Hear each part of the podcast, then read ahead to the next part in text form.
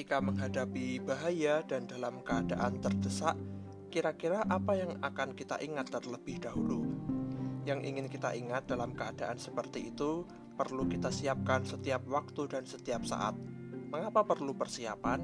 Keadaan mendesak datang kapan saja, tidak diketahui dan tidak dapat diperkirakan.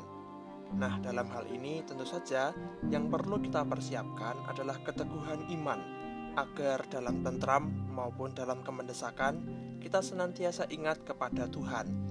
Mazmur 3 ayat 2 sampai 5. Ya Tuhan, betapa banyaknya lawanku. Banyak orang yang bangkit menyerang aku.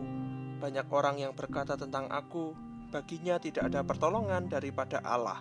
Tetapi Engkau Tuhan adalah perisai yang melindungi aku. Engkaulah kemuliaanku dan yang mengangkat kepalaku dengan nyaring aku berseru kepada Tuhan dan ia menjawab aku dari gunungnya yang kudus. Mazmur tersebut gubahan Daud ketika ia sedang lari dari kejaran Absalom, putranya sendiri. Absalom telah membunuh semua anak Raja Daud dan ia mengincar Daud untuk dibunuh.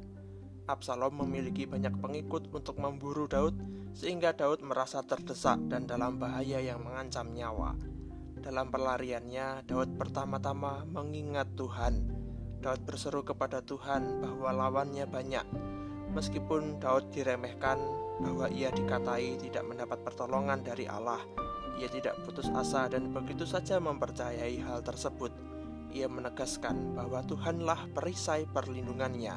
Perisai digunakan ketika pertempuran sedang terjadi Tuhan diyakini sedang turun tangan melindungi Daud ketika pertempuran itu sedang terjadi, yakni orang-orang yang mengincar nyawa Daud. Tuhan adalah kemuliaan dan yang mengangkat hidup Daud. Tuhanlah yang menjawab permohonan dan seruan Daud ini.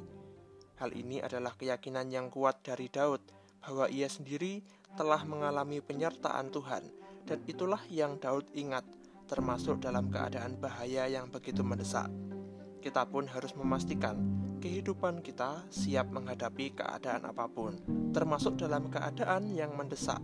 Jangan sampai kita jatuh pada mengandalkan manusia atau mengandalkan materi. Hendaknya kita memastikan diri selalu mengandalkan Tuhan, baik dalam keadaan tentram maupun dalam keadaan bahaya dan mendesak. Pertolongan Tuhan melampaui kekuatan manusia, melebihi yang dapat orang harapkan dan bayangkan. Peganglah harapan yang teguh di dalam Tuhan setiap waktu, sehingga dalam keadaan yang mendesak pun hanya pertolongan Tuhanlah hal terbaik yang kita harapkan.